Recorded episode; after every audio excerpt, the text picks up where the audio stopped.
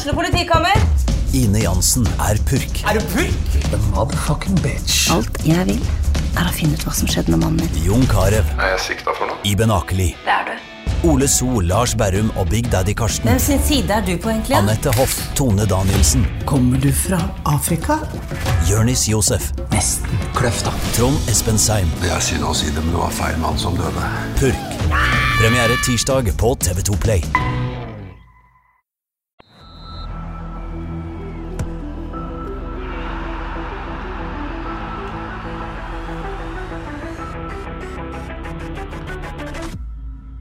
Da ønsker jeg velkommen til episode 85 av Frelst. Mitt navn er som vanlig eh, Terje Flateby, og Kåre Grøtland er ikke med oss. Han tatt juleferie, men det har ikke du, Johannes Dale Husebø. Eh, jeg tar aldri ferie. eh, Og hvis vi hadde hatt video nå, så kunne folk sett et fantastisk eh, juletre her. Du tar aldri ferie, men du sover, det gjør du. Det kan du innrømme. Jeg sover, men jeg tenker mye på fotball mens jeg sover. Ja, nei, men det må være lov. Det må være lov. Um, så er vi så heldige å ha med oss FKH sin nye assistenttrener Even Sehl. Velkommen til oss, Even. Tusen takk for det. Det er gildt å få lov til å være med. Ja, Veldig kjekt at du hadde sjanse til det. Er det sånn travel førjulstid for dette nå, eller har du ferie og slapper av og ungene på eh, ja, barnehage, eller hvordan er det for deg? Jeg har ei datter på to år, så hun er i, i barnehage og fruen er på jobb. Så det ble jo litt rolig på dagtid. Men det er godt. Det Det har vært en lang sesong, så det er godt å koble av litt. Men samtidig så har jeg hatt ferie nå i, i to-tre uker, så da begynner jeg å kjenne at det, det kribler. Så det blir litt uh, fotballjobbing. Det gjør det. Ja, så, så eh, Er det julegave eller Netflix, eller er det analyse av FK 2021 det går i? Da er det mye analyse. Det er det. Litt eh, 2021, og så må vi se framover og planlegge 2022. Ja, Dette skal vi komme hardt tilbake til, for å si det mildt. Men, men jeg må jo bare spørre, har dere kontroll på julegavene begge to? eller? Hvordan er dere, er dere der? Nei, For min del så er det litt sånn tradisjon òg, føler jeg, at de siste dagene før jul må brukes litt på, på julehandel. Da får jeg den gode julestemninga. Så jeg har noen gaver igjen. Men det er noen dager igjen til jul ennå, også. Ja, er det sånn at du er best under press, liksom? Det er da du leverer? Akkurat på julegaver, det er jeg der. Ellers så liker jeg å være godt forberedt og gjennomtenkte beslutninger. Men akkurat her på julegaver så eh, liker jeg det litt rett før. Så det du prøver å si er at din innstilling til julegaver det er- ikke din innstilling til tjeneryrket? Nei, det er det ikke. det Er betryggende, Johannes? Det er jo kjekt å høre. Det er jo Selv så Altså, jeg mener at eh, julegaver de skal handles enten lille julaften eller sjølve julaften for at de skal bli skikkelig gode. Det er bra. For min del er jeg faktisk ferdig, så vet dere det. Men jeg mangler innhold til strømpen til kidsene på julaften. Det er der jeg er. Så jeg, jeg føler meg ganske fornøyd. Så vet dere det. Eh, bare for å ta det kjapt, Even. Tiendeplass med Bryne ble det i din siste sesong der, i hvert fall foreløpig. Er det, hvordan følelse sitter du igjen med etter, etter det? Vi sitter igjen med en god følelse. Målsettinga var å holde plassen. og Det gjorde vi jo med god margin etter hvert. To runder før slutt hadde vi holdt plassen, så vi er godt fornøyde. Vi gjorde ikke så mange endringer fra 2020 til 2021. Vi valgte å bygge videre på den gjengen vi hadde fra 2020. Så målet var å holde plassen. Så det, det er vi fornøyde med. Vi hadde jo en periode òg der vi gikk vel ti kamper uten å vinne. Så da var det litt sånn Ja, da var vi litt stressa, vi skal innrømme det. Men vi klarte å holde roen og så komme tilbake på vinnersporet. Så det var bra. Men det å gå lenge, lange rekker uten å vinne, det er gode erfaringer med seg når man kommer til FKH. Ja, men får håpe jeg ikke får brukt den erfaringa.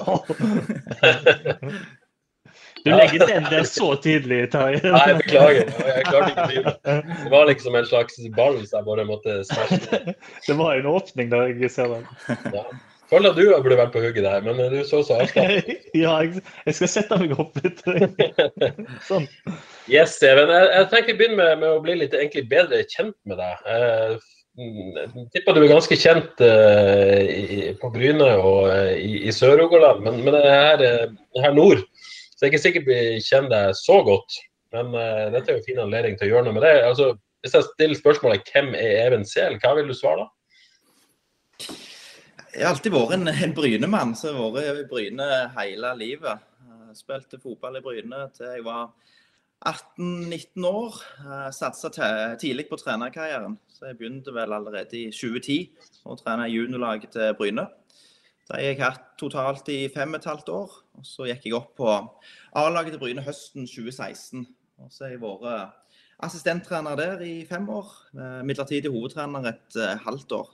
Så jeg har jobbet totalt i, i 13 15 år i Bryne fotballklubb i, i ulike roller. Når du er i en litt mindre klubb, så blir du litt en altmuligmann. Men det har vært mye spillerutvikling og mer eh, 100% sport de, de siste åra. Så bodd på Bryne hele livet og ja, samboer og datter. og ja, yrkeskarrieren i Bryne. Så jeg eh, fått tatt litt studie utenom. Begynte lærerveien eh, i starten. eh, Og så ble det mer retta inn mot eh, ledelse og fotball og idrett med topptrenerstudie og ledelse og coachingkurs på ja, BI og idrettshøyskolen. Ja, Eh, betyr det, litt, litt om meg. ja, betyr det at den, måte, den veien du har valgt nå, i hvert fall i slutten i, i studiene, da, er måte retta litt inn mot, mot fotball, og det er på en måte et yrke der, da? Ja, det er jo det. Jeg Ja. trivdes veldig, veldig godt å jobbe med fotball, jobbe med ledelse, jobbe med utvikling. Eh, Så jeg har jo lyst til å ha et langt liv i fotballen. Nå er jeg jo allerede, Selv om jeg er ung, så har jeg hatt et langt liv nå. Men jeg håper å jobbe med fotball resten av livet i ulike roller. da. Ja. Eh, for å ta det, da. Ja, Får vi spørre om han var en god spiller? ja gjør det. Ja, jeg var vel et lite talent. Jeg kan eh, si jeg trente med A-laget til Bryne. eh, Hospiterte opp der. Var vel i loopen for kontrakt med, med Bryne sitt A-lag. Da var jo Bryne gode.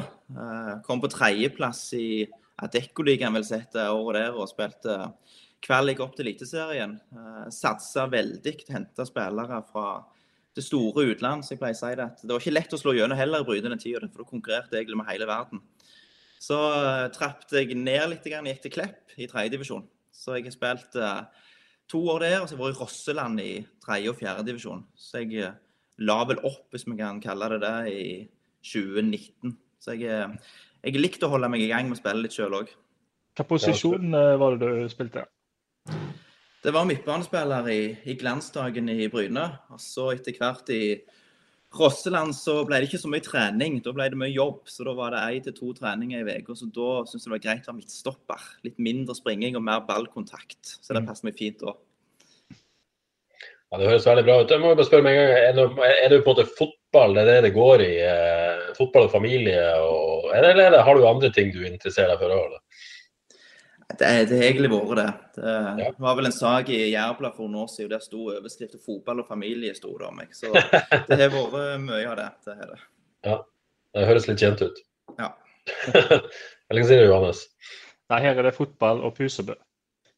Det vet du godt, Terje. Fotball og Pusebø. Eh, for, hvis du lurer, Even, så er Pusebø eh, da katten til Johannes. Som har blitt en liten kjendiskatt i Haugesund, vil jeg nesten påstå. Han er berømt på Haugaland. Han blir faktisk Ja. gjenkjent ute på gata her. Så det, Ja, det er veldig drøyt. Det er ikke verst. Ja, det er ikke verst.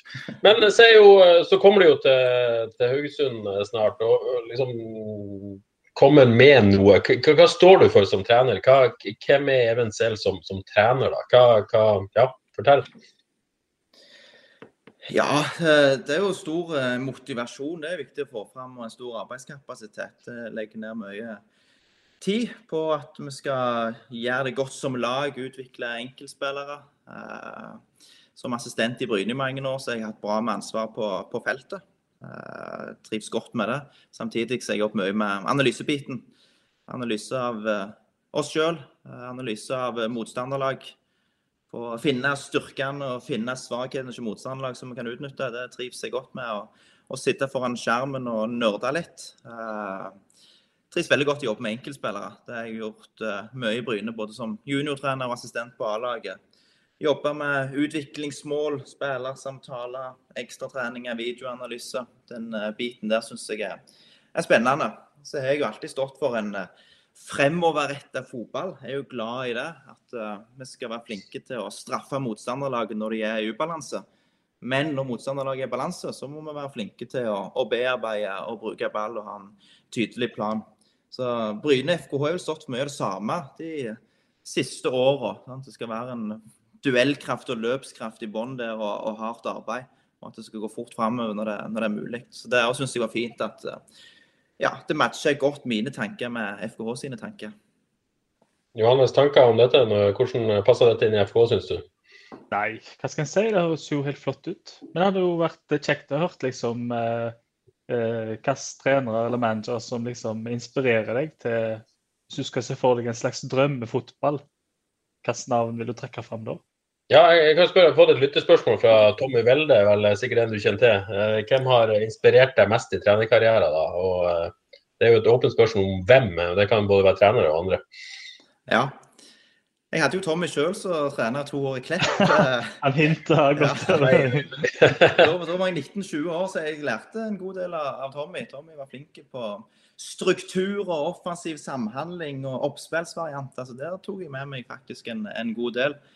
Uh, så jeg har jobbet med flinke trenere i Bryne, så jeg har lært en god del av Gaute Larsen. Uh, Ole Hjelmhaug, Halvorsen. Vi har hatt mange flinke trenere i ungdomsavdelinger som du, du, lærer av å, å sperre med. Og så er det jo sansen for den uh, Liverpool-fotballen med, med, Klopp som du har sett på en del de siste åra. Bodø-Glimt er imponerende. Hvordan de har fått det, det er jo inspirasjon for oss alle. At, uh, alle vet jo hvordan de spiller, men likevel så er det veldig få som klarer å stoppe dem. Så det er inspirerende. Så det er vel litt med personer også. Ja. Så er litt, litt inspirert sjøl med å, å, ta en del kurs og være uh, ivrige på å jakte etter utvikling hele veien. Det har vært inspirerende. og søke kunnskap utenfra, for det er alltid sunt. Så det er jo fint med denne måneden her nå. Da får du tid til litt refleksjon og, og egenutvikling, for det er, jo, er viktig. Det er viktig. Så eh, Jeg vet ikke om du er lei av å snakke om det, men du, du var inne på spillerutvikling. Du har, jo, eh, du har, jo, også eh, vært en del av karrieren til Erling Braut Haaland. Hvor mye æren tar du der? Nei, det sier det som jeg pleier å si, er at uh, han hadde blitt god uansett, han. Om det hadde vært i en annen klubb, eller om det hadde hatt en annen trener eller trenere. Men det er ikke tvil om at vi har hatt gode utviklingsmuligheter i Bryne. Med at vi har fått lagt til rette for god utvikling for mange spillere. Og de var jo en god gjeng der med 99-gjengen på Bryne med Alfie Berntsen som trener. Så det, det, er mange som har gjort en god jobb med Erling og lagt til rette for han. Og så har han gjort en vanvittig jobb eh, sjøl. Det er jo avgjørende. Han har hatt en indre drive og en voldsom mentalitet og lyst til å bli god. Så det, det, er kjekt å se, for du vet hvor mye han har lagt ned for å lykkes. Så da er det kjekt å se at han, han gjør det. Men det har hatt mange gode spillere i, i Bryne òg, og det er jo viktig at det, det, er mange som pusher hverandre. Så har du hatt eh, forbilde i egen klubb òg i Bryne, og det, det tror vi har vært viktig. Ja. Marius Lode er vel en annen suksesshistorie fra, fra Bryne? Ja, han kom jo fra, fra Frøyland til Bryne som sisteårs junior. og Jeg tok steg og blitt landslagsspiller, han òg. Det er òg eh, en veldig seriøs kar som har hatt fokus på utvikling hele veien og, og tatt steg. Så det er mange som er, vi har vært stolte av i Bryne. Rett Skrøtem i Molde. og Du har noen søskenbarn til Erling med Jonathan Brunes Lillestrøm og Albert Sjåland i Molde. Isak Solberg i Tottenham. og ja, Daniel Karlsberg gikk til Viking nå. Så det, det, er mange gode som har gått veien i Bryne. Så nå skal jeg eh, jobbe hardt for at vi kan få noen gode spillere i FKH som kommer opp og tar steget. Ja, hvor, hvor gøy syns du det er å, å, få til sånne ting? Å, være med å få det til, da, for å si det sånn? Det er jo veldig gildt. Det er jo det du, du, ønsker. Du skal være med å bidra og legge til rette. og Viktig at spilleren får et eierskap til sin egen utvikling. Og så er jo vi trenere viktige personer rundt. Og da når vi klarer å motivere og inspirere spillerne våre til å ja, gå all in til å bli en eh, toppfotballspiller, og få dem til å forstå hva som kreves, at da de klarer å få det til, det er jo veldig gildt. Så eh, lang karriere i Bryne. Eh, Bryne skal skifte trener. Mange vil ha deg. Eh, forståelsen, eh, i hvert fall sånn som jeg sitter med her og, og forstår, eh, så ønska du også å overta etter eh, Jan Halvor Halvorsen i byen, men sånn ble det ikke. Hvordan, hvordan opplevde du det? Jeg har sagt jeg ikke vil si så mye om prosessen og sånn. Det har jeg sagt til media hele veien. for Det har vært en sak mellom arbeidsgiver og arbeidstaker og lojaliteten der. Men det, det var en interessant prosess å stå i. Ja, det var mye læring å stå i den prosessen der du sier, så var det jo mange som ønsket jeg skulle bli trener i Bryne.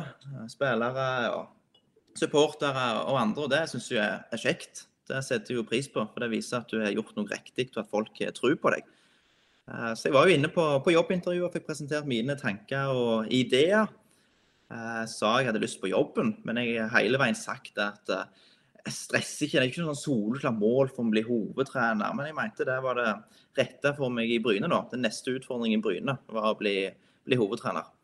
Så valgte de å gi jobben til noen andre. og Det er ikke noe problem med det i hele tatt. Det, det er en avgjørelse jeg respekterer. og Det er flinke trenere som kommer inn i Bryne med, med Knappen og Bjørnstad der. så det, De tror jeg kommer til å få det veldig bra til i, i Bryne. Så det, det, er ikke noe surt mellom meg og Bryne der. Ikke det, ikke det hele tatt. Men når andre klubber kom på banen, og FKH kom på banen, da, så mente jeg at det var den rette for meg nå. Skal snart komme tilbake til det. Men uh, for de som ikke vet det, du ble, du ble kåret til årets unge trener i, uh, i 2020, uh, faktisk i fjor. eller ja, det er vel snart to år siden. Leste begrunnelsen der, og en ting jeg syns var, var, spesielt interessant, var dette at du, du skulle være du er sterk på mellommenneskelige relasjoner. virker jo som det blir på måte stadig viktigere egenskap hos, hos topptrenere å, å, være god på det. Eh, for det første, er du enig i at du er det, eh, og, og hvor bevisst er du på, en måte på, på, på det? Jeg er bevisst på det i måten jeg er på, og måten jeg eh, snakker til enkeltspillere, til hele spillergrupper. Som at andre mener jeg er flinke til det, det er jo bare flott. Det er jo ikke så lett å stå og vurdere seg sjøl på, på, sånne ting. Men det er jo kjekt å, å, lese den begrunnelsen der. Men det er noe jeg er bevisst på, for det, ledelse er viktig. Og de sier jo dette her at ja, det blir mer og mer viktig med, med ledelse. 70% ledelse og 30% fag er det kommet opp i nå tidligere. 50-50. Så det, det var viktig for meg. Og det er jo de kursene jeg tok, at uh, inn mot ledelse av, av, folk og grupper. Og det får ei gruppe til å jobbe godt i lag. Så I tillegg til å trenerutdannelse i forbundet, så jeg tok alle lederkurser òg. Det var masse lederkurser. for det, ja, det var viktig for meg å, å, søke kunnskap på de områdene der. Men er du, en måte, er du en sånn sosial fyr, er du en people's person? Noen er jo på en måte mer introvert, noen er ekstrovert. Ja, folk er forskjellige. Hvor, hvor, hvor er du? Er, du? er du på en måte flink med folk sånn generelt sett, vil du si? Sånn, vanskelig å vurdere seg sjøl, selv, selvfølgelig, men er du sosial fyr, liksom? Ja, det er jeg jo. Men jeg trenger litt tid for meg sjøl uh, av og til, jeg òg. Så jeg er jo nok gjerne mer introvert enn ekstrovert. Det tror jeg, jeg nok jeg er. Men det er viktig med de gode relasjonene, og det er jeg veldig opptatt av. Og Det blir jo viktig for meg i, starten her i, i Haugesund å, å, få de gode relasjonene og skape en tillit og en trygghet for at vi skal jobbe godt i lag. Mm. Jeg syns jo det er imponerende. Jeg har liksom har jo prøvd og gravd og gravd og finne fram noe drit på deg. Men det er, det er, nesten bemerkelsesverdig hvor mange som eh, egentlig har bare fine ting å si om deg. Det må jeg si. Ja, og det syns jeg jo er, er, kjekt. Så er det sikkert noe drit med meg som alle andre. Så ikke alle spillere er fornøyd med meg heller. og så, Sånn er det. Ja, for ta den da. hvis, hvis, Hva tror du en spiller kunne sagt om det hvis han ikke hadde likt? Nei, Det er viktig å behandle folk med, med respekt. Så Hvis det er noen du ja, har valgt å ikke gi proffkontrakt med A-laget eller valgt å ikke spille med, så lenge du gir en eh, begrunnelse på det. Sant? Så At du behandler folk med respekt, det er det viktigste. Så kan folk være uenige i beslutningene. Det må vi leve med. Det tror jeg er viktig. Det, jeg er jo glad for det til Bryne, at jeg gikk ut med applaus og et eh, banner for supporterne. og Det er jo ikke mange trenere som kan få en sånn avskjed. Normalt så blir du, eller ofte blir du gjerne sparka ut, så det var godt å slippe det. Ja, Spesielt hvis det har vært en konflikt òg, så er det jo imponerende. Det må jo si noe om deg. Ja da, det har ikke vært noen konflikt sånn sett. Men det, ja, det, det, var greit å avslutte på den måten der. for Det, det er viktig. Du vet aldri i framtida. Jeg har et langt uh, fotballiv igjen, så plutselig så skal jeg jobbe i Bryne en annen gang òg. Så da er det viktig å ha, ha en god tone. Uh, Even, før vi penser samtalen over på FK, har fått et lytterspørsmål. Litt sånn følelsen at dette er en lytter som kanskje nødvendigvis ikke er en lytter av Frels, men en, en kjenning av deg. Silje Lund tror jeg på Instagram spør om uh, topp tre høydepunkter i karrieren så langt. Ja. nå husker du ofte best det som skjedde sist, da. Sånn, så det er jo opprykket 2020 og at vi holdt plassen i 2021. Uh, så har jeg jo hatt noen gode opplevelser i junior-NM. Det syns jeg har vært kjekt. Både som spiller, at vi kom til, semifinalen i junior-NM med, med Bryne i 2007. Og så var jeg trener for juniorlaget som kom til semifinalen i NM i 2010. Og Det er jo sånne opplevelser som du òg husker godt. Det var vel ikke rangert med iallfall topp tre i, i farten der. Tror du det kommer en opplevelse i 2022 som klemmer seg inn på denne lista? Ja, det håper vi på. Så det, Vi må gå for det. Satse på det. Ja. Så, så, FKH, eh, når, når, hørte du om interessen derfra for første gang? Nei, Nå husker jeg ikke helt dato, men det gikk ganske fort fra første kontakt til jeg skrev unna. Det gjorde det. Jeg fikk tidlig en god følelse. FKH fikk tydeligvis en tidlig en god følelse, så da var det bare å gi gass. Jeg tror ikke det var mye mer enn ei uke faktisk fra første kontakt jeg eh, skrev under. Så jeg var oppe i, i Haugesund og hadde en god samtale med, med Johs og Bull og, og Opedal, der jeg fikk presentert meg sjøl. Ja, vi fikk dele våre tanker begge veier, og da fant vi ut at eh, dette er en god match. Husker du den første tanken som slo deg? Når det, var, det, var det Jostein som ringte, eller? Nei, da var det Bull som ringte. Jeg hadde ja, litt uh, kontakt med han tidligere gjennom ja. ja, juniorlag og toerlag og kamper. Så da uh, så jeg han hadde ringt, det så jeg etterpå. Så da tenkte jeg en av to. Enten er det at de vil ha treningskamp på Bryne neste år, eller så er det at eh, er jobbmuligheter. Så jeg var veldig glad for at det var jobbmuligheter og ikke treningskamp som var spørsmålet. Ja, da, da, rakk du jo på en måte faktisk å tenke over dette før du snakka med Bull. Eh, jobbmuligheten, hva, liksom, Før du snakka med han, tenkte du at dette var spennende? Ja, det gjorde jeg jo. Det er alltid en klubb som jeg har hatt, uh, hatt sansen for å ha fulgt med litt ekstra. Det er jo en stabil og god klubb. Og det at nå år nummer 13 vel på rad i Eliteserien, det, det, er jo veldig bra. Det er jo ikke en selvfølge det når du ser på, på Brann f.eks. Så det er jo veldig bra. Så det å kunne få muligheten der, det syns jeg var, var, spennende. Ja. Johannes, du må jo bare bryte inn hvis du har noen spørsmål, sant? så bare gi deg på. Um, så disse diskusjonene med FKH, var det på en måte var det gitt fra, fra si, første sekund at dette var en match, eller, eller eh, måtte du høre litt om uh, jobben, hva din rolle var tiltenkt osv. før det, måte, du følte at uh, dette kom til å bli noe? Altså, jeg fikk tidlig en god følelse og kjente at dette var det jeg hadde lyst til. Så hadde jeg samtidig da noen andre spennende tilbud. Så det var viktig for meg å gå en god runde ja, med meg sjøl. Og, og ja, Vålerenga har vært nevnt. Hva er det noe i det? Få høre, få høre. Ingen kommentar. Nei, nei. Bu! Nei, så Jeg måtte gå en eh, runde med meg selv, for det var viktig. Og, og sette opp plusser og minuser med alle mulighetene. At det skulle være en gjennomtenkt beslutning i dette. her. Anna. Og det var mange plusser på, på Haugesund, det var det. Eh, og når familien var klar til å flytte opp, så var det bare til å gi gass. Men kan du si noe om, selv om du ikke sannsynligvis ikke vil si klubber, men var det sånn at du var i tilsvarende samtaler med andre klubber som du var med FK? Var du i møte med noen? Eh, var det sånn at du satt med, med to tilbud opp mot hverandre, eller hvor, hvor, langt kom det med andre? Ja, det var jo egentlig det. Det skjedde mye den uka uh, der. Så da var det uh, vel en tre muligheter jeg hadde. Så jeg måtte uh, gi noe svar på. Så da ja, ble det mye tanker den uka der. Jeg hadde jo intervju, møte med FKH. Jeg var oppe og så kampen vel mot Rosenborg, var det vel da. Uh, og Da fikk jeg enda bedre inntrykk. og Vi siktet litt rundt i byen. Det var jo viktig for min bedre halvdel å bli litt bedre kjent med, med Haugesund òg. Så det Ja. Så jeg så igjen med god følelse etter jeg hadde bestemt meg, for dette hadde jeg veldig lyst til. Ja. Hva, hva var det som gjorde at valget falt på, på FKH kontra de andre tilbudene du hadde? da? Eh, det er team jeg skal jobbe i lag med. Eh, fått godt inntrykk fra utsida først, og nå fra innsida òg, at det eh, er dyktige folk som skal jobbe i lag med. Jeg får brukt meg sjøl på en god måte i det teamet der. For mye ansvar. Det syns jeg er viktig. Ikke bare stå på utsida og bare sitte foran PC-en og flytte noen kjegler, men at du har stor påvirknings påvirkningskraft. Det trigger meg. Spennende spillergruppe. Kan jeg skyte en der? Et spør raskt spørsmål. Hva tenker du om veien fram i FK hvis målet skulle være å være hovedtrener? For nå er det jo på en måte to foran deg i køen. Hva tenker du om det? Hvor mye tenkte du på det før du beslutta deg til å spørre på den måten? Det tenkte jeg eh, Nå skal jeg være ærlig. Jeg tenkte ingenting på det. Eh, for jeg trives godt i den eh, rollen jeg har nå.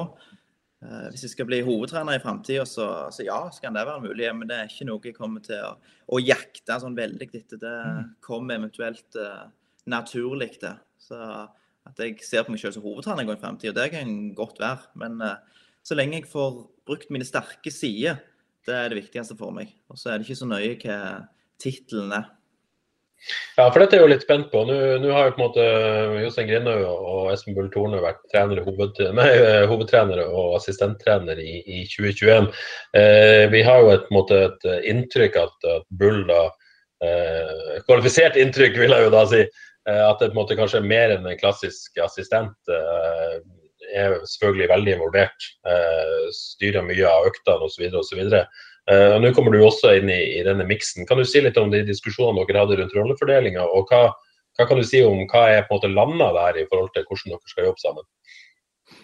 FKH var, var tydelige der på hvordan rollefordelingen bør være. Så det var satt ned på papir med fordeling av arbeidsoppgaver på de ulike trenerne. Og Det syns jeg så eh, spennende og bra ut. Eh, når du er i et uh, trenerteam på toppnivå i Norge, så er det mange oppgaver. Det er mye som skal gjøres. Og Det å bare styrke teamet, sånn som blir gjort i FK nå, det tror jeg er, sunt. For Da kan du ha enda råere fokus på noen områder. Det kan være på treningsfeltet. Du er en mann som jobber ekstra med offensiv den økta, en som jobber med defensiv, en som har mer på helhet, enkeltspillere. Du kan ha enda råere fokus eh, på analysedelen, på motstanderlag. Enda bedre individuell oppfølging, for det er viktig. Nå er det mange spennende spillere i, i FKH med godt utviklingspotensial. Unge spillere som ja, både forventer og fortjener god oppfølging. Så det blir uh, viktige oppgaver. Så det blir nok mye sånn som det har vært eh, nå, vil jeg tro. Eh, Johs er hovedtrener, han er lederen. Han har en vanvittig erfaring og er en dyktig leder og trener som kommer til å, å styre dette her. Også for eh, meg og Bull en del på det daglige da, med, med treningsplanlegging og, og analyse, bl.a. Johannes, du hadde et spørsmål? Ja, jeg lurer veldig på én ting. Um, jeg vet ikke hvor tett du har fulgt liksom, eh, hva skal jeg si, hvordan supporterne ser på ting. og Jeg er jo først og fremst uh, supporter. Um, men FK hadde jo på en måte en ganske todelt, eller på alle måter en todelt sesong. Fram til i sommer så uh, ja, det gikk sånn OK på bortebane. På hjemmebane så gikk det jo enormt godt, uh, i grunnen.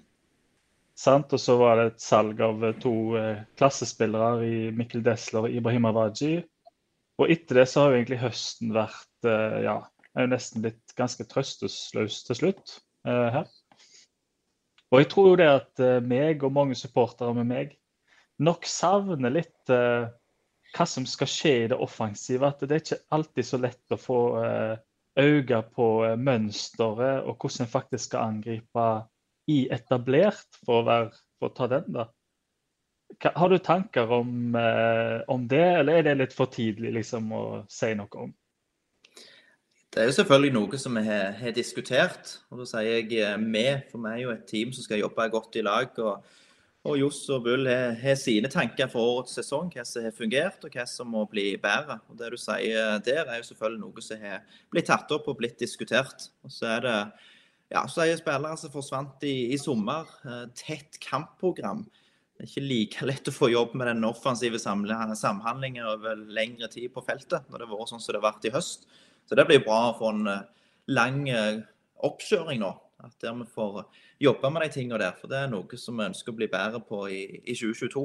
Det er å ha en tydelig plan og ha et godt grunnspill. At vi har noen oppspillsvarianter, for å kalle det det. Når Høyre backer ball, så vet vi hva løp som skal gå. Og at alle spillerne vet at vi har noen samtidige og motsatte bevegelser og truer de rette rommene. Og så blir det opp til ballfører å velge hvor det er mest rom hen, da. Men det er um, noe som kommer til å bli, bli stort fokus. Og samtidig så skal vi fortsatt være fremoverretta når det er mulig. Det, det, er viktig. Det er å true bakrom. Men om vi ikke kan spille hurtig fremover, så må vi ha et, ha et godt grunnspill. Og det tror vi at vi har spillere til til å kunne mestre. For det er der ofte syns jeg at det kanskje stopper litt opp hvis ikke en har muligheten til å spille direkte eller kontra. eller sant, og, bli, og duellspillet til FKH er jo, eh, vil jeg tro, blant eh, eller vet, at blant Eliteseriens beste lag der. Mm. Men hvis det ikke er muligheten til å spille direkte og hurtig, så syns jeg ofte det går litt i stå. Og det, eh, ja. Hva tenker du om det? Hvordan, hvordan jobber en uh, mot det, for å spørre på den måten? Ja, uh, meg og Bull er jo godt i gang med det å jobbe med den uh, spillestilen der som vi hadde en lang, god prat på, på onsdag på, i Haugesund. Der vi tok fram taktikktavla og tok rett og slett og flytta litt på brikker. Sånn som dette ønsker vi å få til. Nå jobber vi en del med video, både av FKH og av andre lag, som vi ser lykkes. og får noen gode videoklipp, og dette ønsker vi å få til. Så skal det bli eh, noen tydelige planer på dette. her. Altså, den prosessen den er, den er, i gang, og så blir det mye fokus på det de neste ukene, så alt er klart til spillerne kommer inn til første trening 17.1. Det, det blir viktig med å ha en tydelig plan, som nevnt. Samtidig så må vi fortsatt ha litt den kreativiteten, at det, det er ikke roboter heller, dette her, men vi må ha noen grunnprinsipp og noen retningslinjer, det blir viktig. Så det er en prosess i gang, og så skal vi ha mye fokus på framover. Jeg lurer på f.eks. hvis du tar Bodø-Glimt, hva tenker du om eh, hvor, mye, altså, hvor mye er det innøvde mønster og at eh, spillerne opptrer etter det, og hvor mye er det rett og slett det med spilleren som gjør at det sitter så godt? Hva tenker du om det? Nok en eh, kombinasjon, men Bodø-Glimt har vært flinke i mange år. De var tidlig ute og satsa på akademiet sitt.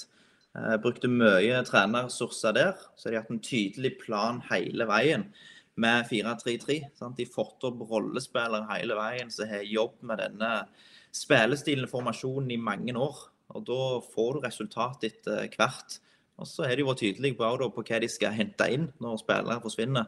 Så Det er vel det som er mest imponerende òg nå, at de, de, vinner i år igjen. Når så mange gode spillere forsvinner allikevel, så klarer de å erstatte dem med nokså like spillertyper. Som gjør at de kan spille på noenlunde samme måten. Så den 4-3-3-en eh, der det, Halvorsen òg var jo i, i Bodø-Glimt og spilte 4-3-3 der og tok med seg en del derifra. Så den, ja, den måten å spille på, den eh, er eh, ganske godt innarbeidet etter hvert nå. Så vi får prøve å få til noe lignende. Hva tenker du om det der formasjon og sånt? Det har jo veksla litt mellom 4-2-3-1 Sorry, Terje. 4-2-3-1 og 4-3-3. Er du tilhenger av å dyrke 4-3-3-en ordentlig, eller er det den der å, ha to eh, S, eller ha et S i ermet med å ha en uh, formasjon som en òg kan bruke, at det, det, er pluss og minus med alt, selvfølgelig. Men har du noe ja. Det er viktig å ha flere strenger å spille på, samtidig som vi må ha en eh, plan A og prøve å få til plan A så godt som mulig.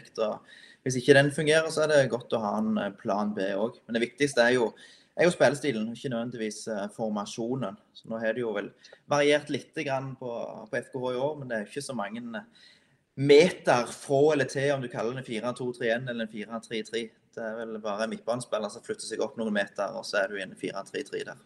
Hvis du går opp på 4-4-2, da, for det fins jo det er jo to veldig veldig eh, gode spisser egentlig i FK. sant? Du kunne spilt med Søderlund og Samuelsen sammen, f.eks. Hvor mye hadde det eh, hvor mye hadde den endringen gjort med måten å spille på, tenker du? Helt teoretisk, da. ja. Nei, det syns jeg det er fordel og ulempe med alle formasjoner. Så det får vi ha noen gode diskusjoner på, i trenerteamene og se hvordan vi velger å, å, løse det. Vi har noen tanker allerede, men eh, jeg tror det er viktig å, å, ta det først med spillerne, så de eh, slipper å høre det her først. Det tror jeg er viktig. Det forstår jeg ingenting av. Nei, det er helt uforståelig. Det er dårlig ledelse. Men, men jeg vil litt tilbake til, til oppgavene dine. Du, du, fortalte jo litt om oppgavene. Men går det an å si konkret hva er Even sin jobb i FKH? Hva, hva, har du fått på den lista? Nei, Der er det eh, mye likt på meg og, meg og Bull. Eh, med ansvar for treners treningsplanlegging daglig daglige der, så er selvfølgelig Johs inne og bidrar og de styrer de store linjene. Samtidig er det vi som har litt ekstra ansvar der. Samtidig er det òg analyse. Det er spillersamtaler. Videobiten. Vi må prøve å bli flinke til å filme treninger. Bruke trening aktivt for å få fram ja, de bildene som ser bra ut, forsterker det. Så det kommer til å bli ekstra fokus uh, neste år. Eh, For hver trening blir viktig for å få til den måten vi ønsker å spille på. og Hver trening blir viktig for enkeltspilleren å utvikle seg og ta steg. Eh, Så meg og Bull er jo ja, egentlig har de samme oppgavene. Vi skal jobbe tett og godt i lag på de oppgavene der. Så det har jeg god tro på skal bli et eh, godt samarbeid. Så har FK hatt en på en måte veldig lite eh, hva skal man si, lite trenergruppe nå. Eh, Få ressurser rundt A-laget, sikkert sammenligna med, med, med, andre klubber. Nå kommer det jo en, en trener til. Eh, sånn som du forklarer det, så nå har du på en måte stått og diskutert med taktikktavla med Bull. Vi har jo, vi har jo kanskje sett for oss at, at Jostein Grinhaug kanskje får en litt sånn litt mer, enda mer overordna rolle enn det han har hatt i år. Litt mer managerrolle. Uh, understreker kanskje litt når du sier at du har stått og diskutert spillestil med Bull uten at måte, Jostein er der. Har, har, du og Bull nesten måte, fått et ikke, ikke nødvendigvis et carte blanche, men, men, er det dere på en måte som er driverne for måten FK skal spille fotball på i 2022, og så har Jostein et mer overordna ansvar? Ja, men det overordnede ansvar, da er du, da er du hovedansvarlig. Sant? Så det er Joss som er sjefen når de styrer de store linjene, og selvfølgelig han sagt sine tanker. Og så er det vi som skal prøve å, å få dette her litt ned med tanke på si, med, med videoklipp, lage noen animasjoner for å få fram budskap på en tydelig måte til, til inn til spillerne. Men det er jo det sånn som det er når det å jobbe godt i lag i, i et team. Eh, så er vi selvfølgelig eh, Ja, så er Johs, Johs er sjefen eh, og har vanvittig erfaring og, og, vet mye etter mange år hva som lykkes, hva vi bør ha fokus på, og hva som vi kan eh, gjøre bedre. Så Det er et, et godt teamsamarbeid der. Samtidig så er det jo nå, i disse tider, så er det jo spillerlogistikk som er viktig. Der har jo Johs mye ansvar. Så jeg tror også det er fornuftig at han bruker litt tid nå på å kikke litt på video, kikke litt på spillerne. Så får meg og Bull nørde litt i denne perioden her. Men litt nysgjerrig på det med spillelogistikk når du nevner det. For du, vi er jo på en måte inne på, på Bodø-Glimt her, og, og rollespillere. Eh, eh, litt følelsen i FK, det har det vært ærlig, at det er veldig sånn pragmatisk. At man eh, ser hvilken type spillere man får tak i. Best mulig spillere. Så får vi se hvilke kvaliteter de har, og så bygger man litt rundt det med tanke på for så vidt. Spillestil ligger i bunnen, men litt med tanke på formasjon og hvordan man skal utnytte de spillere man har best mulig litt annen tanke enn det f.eks. av Bodø-Glimt. Har du noen måte tanker om den, den, filosofien der, og om det på en måte man bør bevege seg i retning av mer tydelige rollespillere i, i, FK? Det er veldig mange poteter i FK på et vis. Mm. Det vet ikke jeg helt hvordan det har vært tidligere, men de diskusjonene vi har hatt nå, vi vært tydelige på at vi ønsker de og de spillertypene som passer inn i den måten som vi ønsker å spille på. Der har vi vært ganske tydelige og samkjørte, alle mann alle. Og så får vi satse på om vi får inn de type spillerne der som passer inn i måten vi vil, vil opptre på i 2022. Ja, og da snakker du ikke bare spillestilsmessig, men helt konkrete posisjoner òg, eller? Ja, det, det blir diskutert. Det har det. Så er det jo Opedal og Johs som styrer med den spillerlogistikken der, så dere får prøve å snakke med deg om de tingene der. Det blir ikke så mye fra meg på det området der. Nei, men jeg synes, syns det, altså det er jo på en måte alle fotballfans eh, drøm. Det er jo på en måte det gøyeste er jo overganger. Det er derfor man spiller fotballspill på sånn menneskespill og alt det. Syns du det er en, en, gøy del av eh, måte, jobben å være litt involvert i det? Ja da, det er det absolutt. Som er jo et, et team der også jobber godt i lag med at vi, vi ser jo på spillere alle mann alle. Så selv om det er Johs Opedal som er hovedansvaret for det, så er jo vi andre òg med og, bidrar og kommer med våre innspill og tanker. Det, det er viktig. I den anledning eh, spørsmål fra David Rasmussen i VEA, som du kanskje kjenner til. Eh, han lurer på eh, hvordan av spillerne på Bryne som passer inn hos FK mm. neste år. Og så ønsker jeg selvfølgelig lykke til. Det var kjekt med lykkeønskning for David, en god mann det. Uh, spillere som passer inn i Bryne, ja. Ja, altså Ikke inn i Bryne, men Bryne-spillere som passer inn i FK. Ja, ja. Hvem skal du hente, Even? Ja, det var det. Nei, jeg tror ikke jeg skal bidra til noen spekulasjoner der. Så jeg tror ikke vi trenger å lage noen saker i Haugesunds Avis på akkurat det nå. Så vi får bare... så proff han er, Terje. ja, det er irriterende profesjonelt. Men at Får løst kanon her, liksom. Men, ja. Men jeg kan si generelt så er det spillere i Bryne som er spennende, og som passer inn i mange eliteserielag, tror jeg. Så jeg tror nok det er mange eliteserielag som har Bryne-spillere på, på blokka. Så det ser jeg ikke vekk ifra at det er spillere som på Bryne som kan ta steg opp til Eliteserien, om det er i år eller neste år eller tid, så får vi se hva, klubb de eventuelt ender opp i. Akkurat sendt en til Viking. Burde han uh, reise nordover? Nei, Daniel kommer til å få det bra i, i Viking, han, tror jeg. Det, de er jo flinke i Viking til å satse på unge lokale spillere. Så det tror jeg kan bli, bli bra for han, det. det jeg tror, tenker vel at Joakim Holtan ender opp i Eliteserien på et eller annet tidspunkt, tror du ikke det? Jo, det, det tror jeg. Nå har Holtan en god spiller, og så er han uh, veldig treningsvillig og lærevillig òg. Og da vet du at uh, som oftest går bare oppover. Så er det selvfølgelig et nytt nivå for han òg i Obos-ligaen i år. men Han tok nivået bra.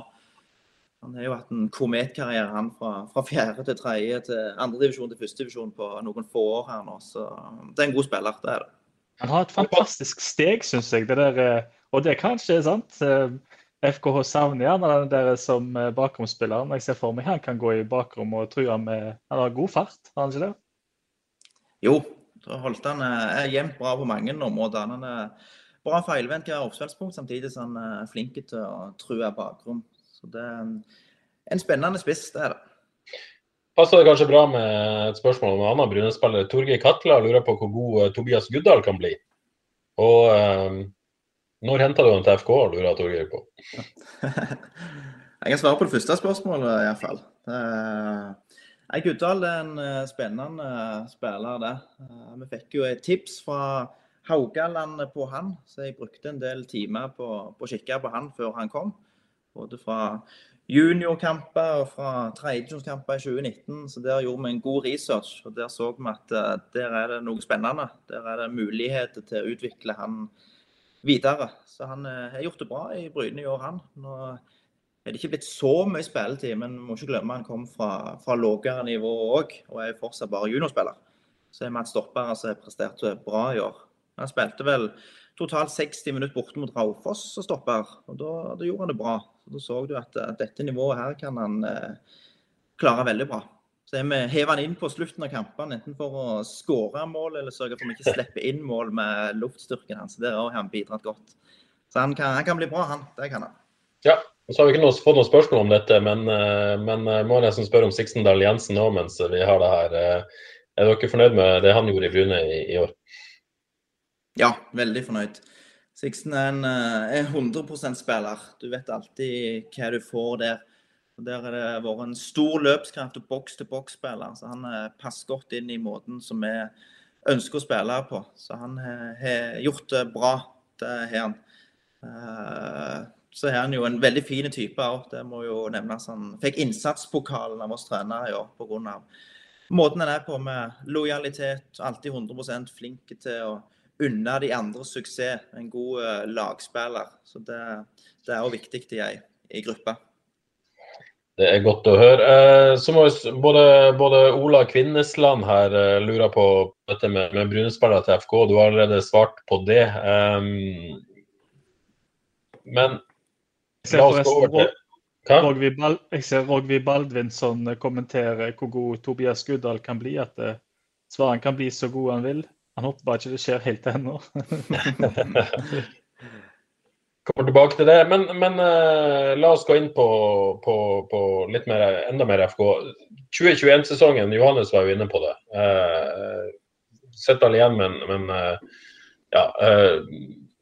man har jo helt rett i, man har klart å berge plassen, det er ingen selvfølge. Men, men, likevel så hadde man litt sånn høyere forhåpninger enn det som skjedde, spesielt denne høsten. har vært. Hvor mye har du på en måte satt deg inn i i FK sin 2021-sesong. Har du uh, nerda deg gjennom alle kampene, eller bare sett Jeg Nei, ikke kommet meg gjennom alle kampene. Det, det vet jeg ikke om jeg skal heller, i og med at det ble litt utskiftninger der i, i sommer.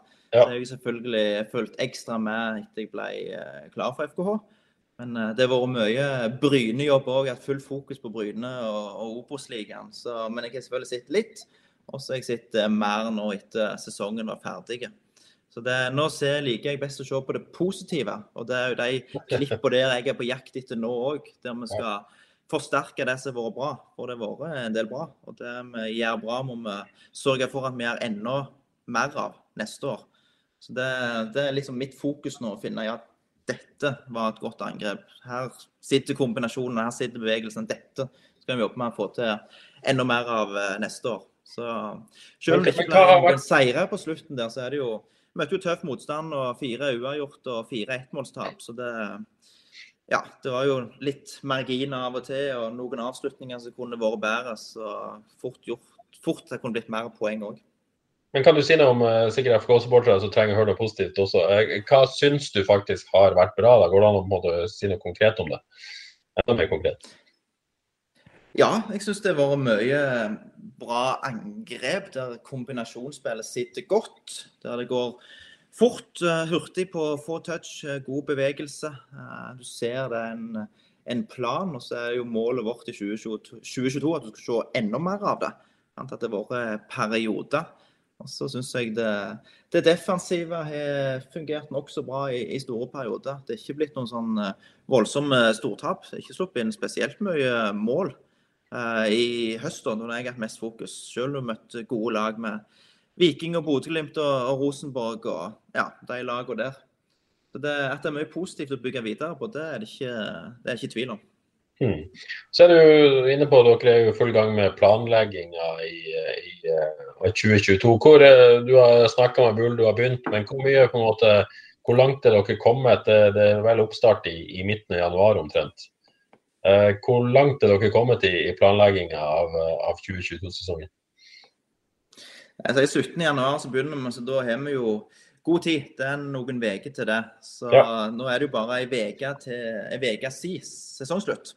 Ja. Det tror jeg var viktig for uh, den gjengen som jobber med FK i år òg, å, koble av litt grann. Og få noen dager til å roe ned og lade batteriene litt. Som jeg så sier Er det jo sånn du maser masse på dem, men de, de vil bare ha litt fred nå? Er det der vi er? Nei, nei, vi har hatt noen eh, gode samtaler allerede. Så jeg var jo oppe noen dager i, i Haugesund sist uke, der vi fikk kommet litt i gang og, og fikk fordelt litt oppgaver gjennom ferien. Hva skal den enkelte ha, ha fokus på og se litt ekstra på? Så vi har fordelt arbeidet godt, og så begynner, begynner jobben nå.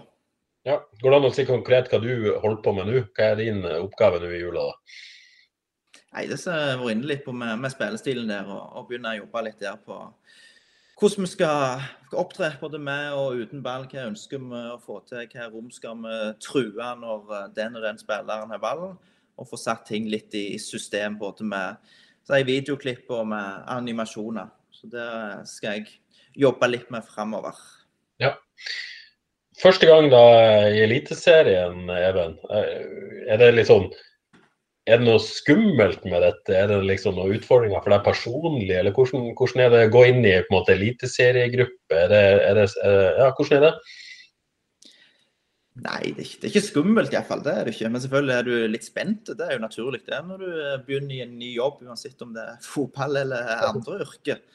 Eh, Men samtidig gleder jeg meg etter er en eh, fin utfordring. Altså, jeg har jobbet i Bryne fotballklubb i, i 13,5 år og, og gått på stadion der siden jeg var fem år. Så det er sunt å prøve noe nytt og komme seg vekk litt. Så det er mest at jeg gleder meg til å, å komme i gang. Og så er fotballspillere er fotballspillere og mennesker uansett om de spiller i Eliteserien eller andredivisjon. Så blir flyttelass med, med hele familien rett over på nyåret der, da? Ja, det, det blir det. Så jeg kom opp uh, alene først nå. Og det er jo litt at vi forhåpentligvis skal på to treningsleirer. Ja. Da uh, kan like godt samboeren godt være her på, på Bryne i starten, og så Ja. kommer de opp om ikke altfor lenge. ja. Er det på husjakt? Ja, vi må iallfall ha en plass å bo, som om det er leilighet eller hus eller hva det blir. Så hvis noen ser noen gode innspill, så er det bare å, å gi lyd. Så jeg har ikke fått noe ennå, så Nei. vi satser på det ordner seg snart. Men uh, leilighet i nærheten av stadion, er det det du drømmer om? Ja, det hadde vært fint. På Slippe å stadion. bruke lang tid på, på kjøring. Det, det er ikke vits. Leilighet på Vea da, eventuelt, det er jo praktisk. Ja. Nei, vi får se hva det blir. Hør om David Rasmussen har leilighet til det. Ja. Um, strålende. Um, sånn personlig største utfordringa? Hva, hva blir det i ny jobb, tror du? Utfordringer. Jeg tenker mest på, på muligheter. Hva muligheter Ja. som ligger der, ikke helt hva, hva er utfordringer. Så det er ikke så mye jeg har reflektert uh, over, faktisk. Så jeg liker å ha gjennomtenkt eh, beslutninger og ting jeg sier, så det må jeg eventuelt tenke litt mer gjennom. det. Jeg får heller svare på det en annen gang. Da skal du få det, eh, Du har fått et eh, spørsmål her. Nå eh, begynner vi å nærme oss fasen der det kommer lytterspørsmål som er litt off topic, men det er jo ofte noe gøy der. Um, Rogvi Baldvinsson kjenner du godt. Ja. Grunnspiller gjennom mange år. Først så ber han deg snakke litt om Gretna. Ja, den liker han å, å dra opp. Det syns jeg er, er bare bra. det. Jeg og vi er jo like gamle, så vi gikk i klasselag på videregående og hele pakken og fulgte hverandre hele veien der. Så Gretna det var jo en klubb i Skottland der, som spilte i toppdivisjonen i ja, 2005, 2006, 2007. Det var cupfinalen faktisk i 2005. Det er ikke så mange som har hørt om den klubben der. De var så en kamp når jeg spilte på Rosselandsbanen, faktisk mot FKH. De skulle se på keeperen til FKH. Jeg er litt usikker hvem det var som sto i mål da. Men da gjorde jeg en uh, god kamp. Så da kom det interesse for den skotske klubben eh, Gretna, som hadde sansen for meg og ville hente meg over. Så jeg ble invitert uh, over. Så passet det seg ikke helt de ukene der etter sesongen. Så var det nye muligheter i 2008 jeg skulle reise. og ja, Gleda meg litt til det og kjenne litt på den proffdrømmen. Men så endte det opp med at klubben gikk rett og slett eh, konkurs. Så det, Den klubben ble nedlagt. Så der eh, røyk den eh, proffdrømmen min. Så det ble ikke noen tur til Gretna. dette, dette var sikkert litt tungt på dette tidspunktet. ja, der og da var det jo det. For da hadde du litt ambisjoner som, som spiller. Men ja, det er ikke sikkert det hadde blitt en suksesshistorie nede i Gretna. FKH-keeper i 2007, var det? Ja, det var en juniorkamp. Så, Juniorkamp, ja. ja. For å prøve å finne ut hvem som var keeper da, som hadde litt interesse for Skottland. Nå skal vi ikke ha noe gjettelver her i dag, men Nei, den, den, den, hadde vært litt tung. den får noen andre ta. Uh, ja. Men uh, med Rogvi har et annet spørsmål. Han, han, lurer på, Hvis du fikk velge da, firestjerners middag med uh, nåværende eller tidligere fotballtrenere, Hvordan trener hadde du invitert da? Ja, det er et interessant spørsmål. Jeg så jo dette spørsmålet på Twitter, så jeg fikk jo litt tid å tenke. Ja. Jeg var innom mange trenere som kunne vært spennende og, og hatt med på en uh, middag.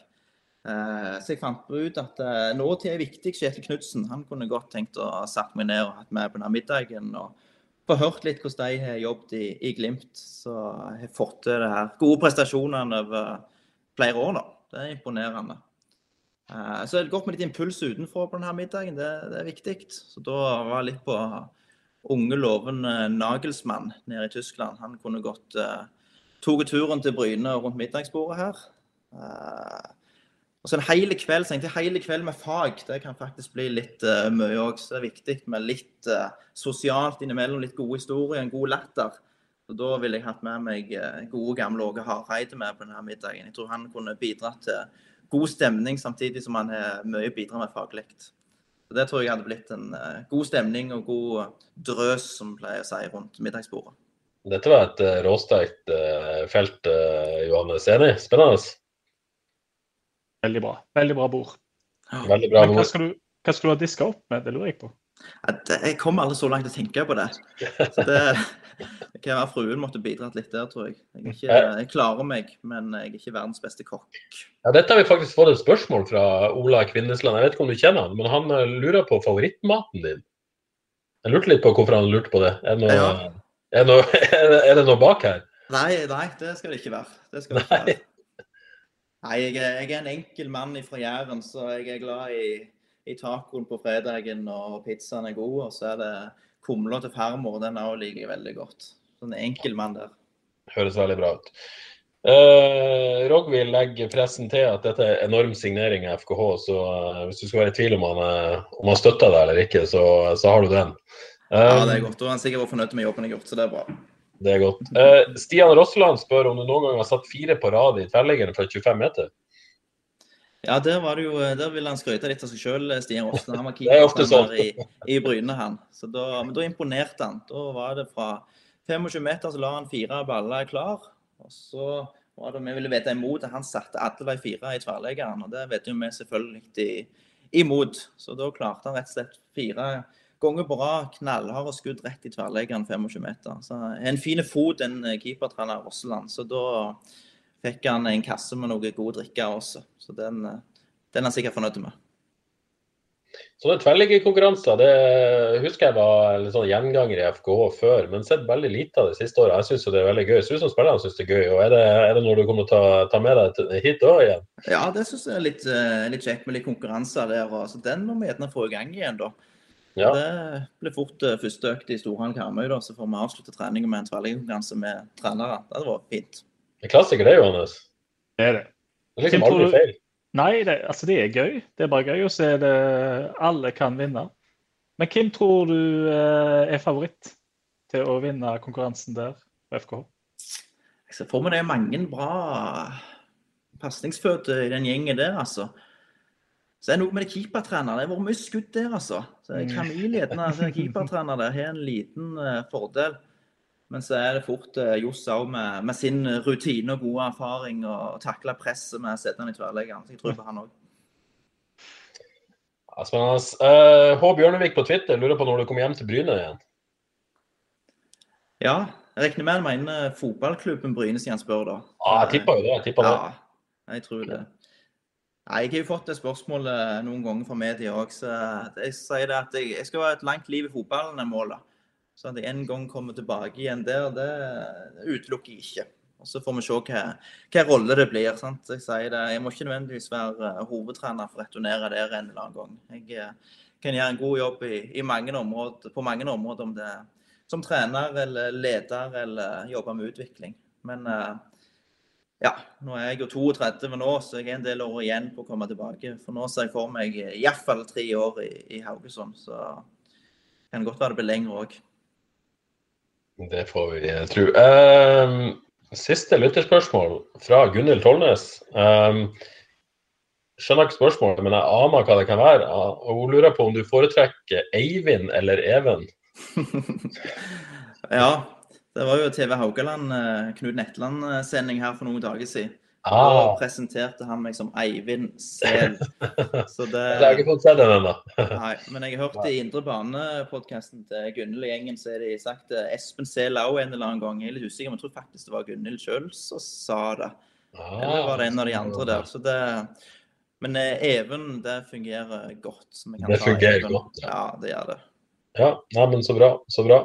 Um, mens jeg, jeg må jo bare stille dette spørsmålet. Du har jo stålkontroll på, på Obos-ligaen.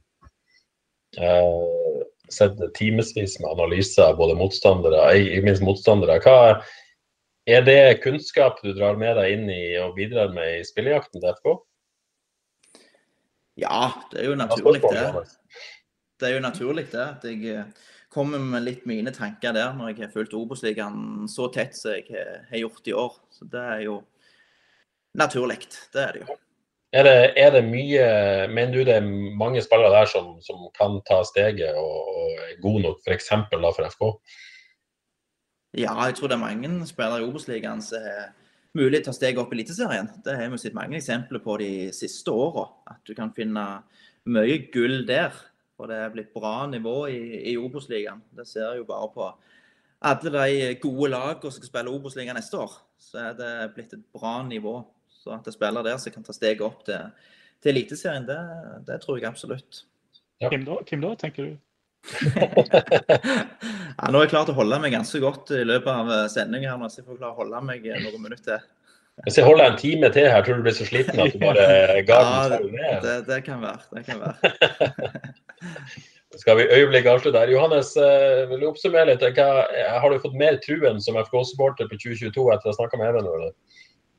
Ja, er, det, er det positivt? positivt? Absolutt, det er jo det. Spennende å høre om uh, eh, har det vært kjempegøy å, eh, å få høre liksom hvilke bevegelser som faktisk skal skje når høyrebekken har ball, som du sier. Og, eh, og de konkrete ideene der, og det at det skal brukes eh, kanskje video Jeg vet ikke hvor mye som brukes av video nå fra trening, og sånn at en ser på de gode bildene og den slags, men det hørtes ut som gode ting for å bli bedre etablert, da, for eksempel. Even, hvor klør du fingrene? Du vil bare komme i gang? Jula må gå fort? Er du der? Eh, Ja, så er julen en fin tid òg, så det jeg, ser, jeg setter pris på den tida her nå med å være litt mer med familien. Det er i en travel sesong. Spesielt sånn som det har vært i år, med veldig tett kampprogram. Så har det vært mye jobbing. Så den tida her, den, er- den er fin. altså. Den må brukes godt i lag med familie. Og så kjenner jeg at det kribler. Det gjør jo det. Når du har hatt noen uker ferie nå, så blir det godt å komme i gang.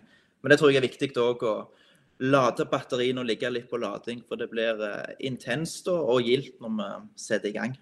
Ja, Det høres klokt ut. Også et viktig spørsmål å få avklart, eh, vet jeg hos mange lyttere òg. Har du et eh, favorittlag sånn i store utland? Jeg har egentlig ikke det, altså. Før i tida, når jeg var vel gammel, var jeg iallfall yngre, da heide jeg både på Liverpool og Manchester City. Eh, Men det var de tidene det var lov å heie på begge, for da var jo City nede i League One der og holdt på. Så da var det ikke noe problem. Jeg har en eh, onkel som har hatt sesongkort hos City i, mange år, så jeg har vel hver eneste City-drakt fra jeg ble født til jeg var 20 år. Så han har leiligheten i Manchester og følger City tett. Og så har jeg en far som er Liverpool, så da er det blitt litt begge deler. Men eh, nå går det ikke an å heie begge lager, så da blir det, blir det ingen av de da. Da blir det ingen av dem, faktisk. Okay. Så skal jeg ikke diskutere eh, dommeravgjørelsene i Liverpool-Tottenham med deg. Nei. Eh, og der i går så er det viktig med familietid. I går var bedre halvdel var mest gira på håndballkamp, så i går ble det VM-finale på håndball. Viktig å ha litt fotballfri òg. Jeg ser den. ser den. Det er det galneste jeg har hørt. Men OK. Nå datt alt i dass for deg, Johannes? eller? ja, nå mista jeg troen helt. Viktig å få noen plusspoeng hos fruen. Det er viktig å ta med seg. Meget sentralt å få. Det er Ja. helt rett. Nei, men uh, tror vi gir oss der. Veldig hyggelig Even, å ha deg med. Takk for at jeg fikk være med. Det var en Ja. eh, god prat, dette her. Ja, så bra. Og så gleder vi eh, oss veldig til å følge deg mm, i 2022. Uh, ser ikke bort fra at du kan bli invitert hit igjen. Håper ikke dette var avskrekkende. Nei da, det var hyggelig. Så jeg kommer gjerne tilbake igjen. Det gjør jeg. Så hyggelig. Da ønsker jeg deg rett og slett eh, ei god jul, og det sier jeg også til alle lytterne der ute. Så håper jeg å komme tilbake med en liten romjulsepisode, så får vi se hva, hva det blir. Men uh, god jul til deg, Even. God jul til deg, Johannes. Og god jul til alle der ute. Og så gir vi oss der. Ha det bra. God jul.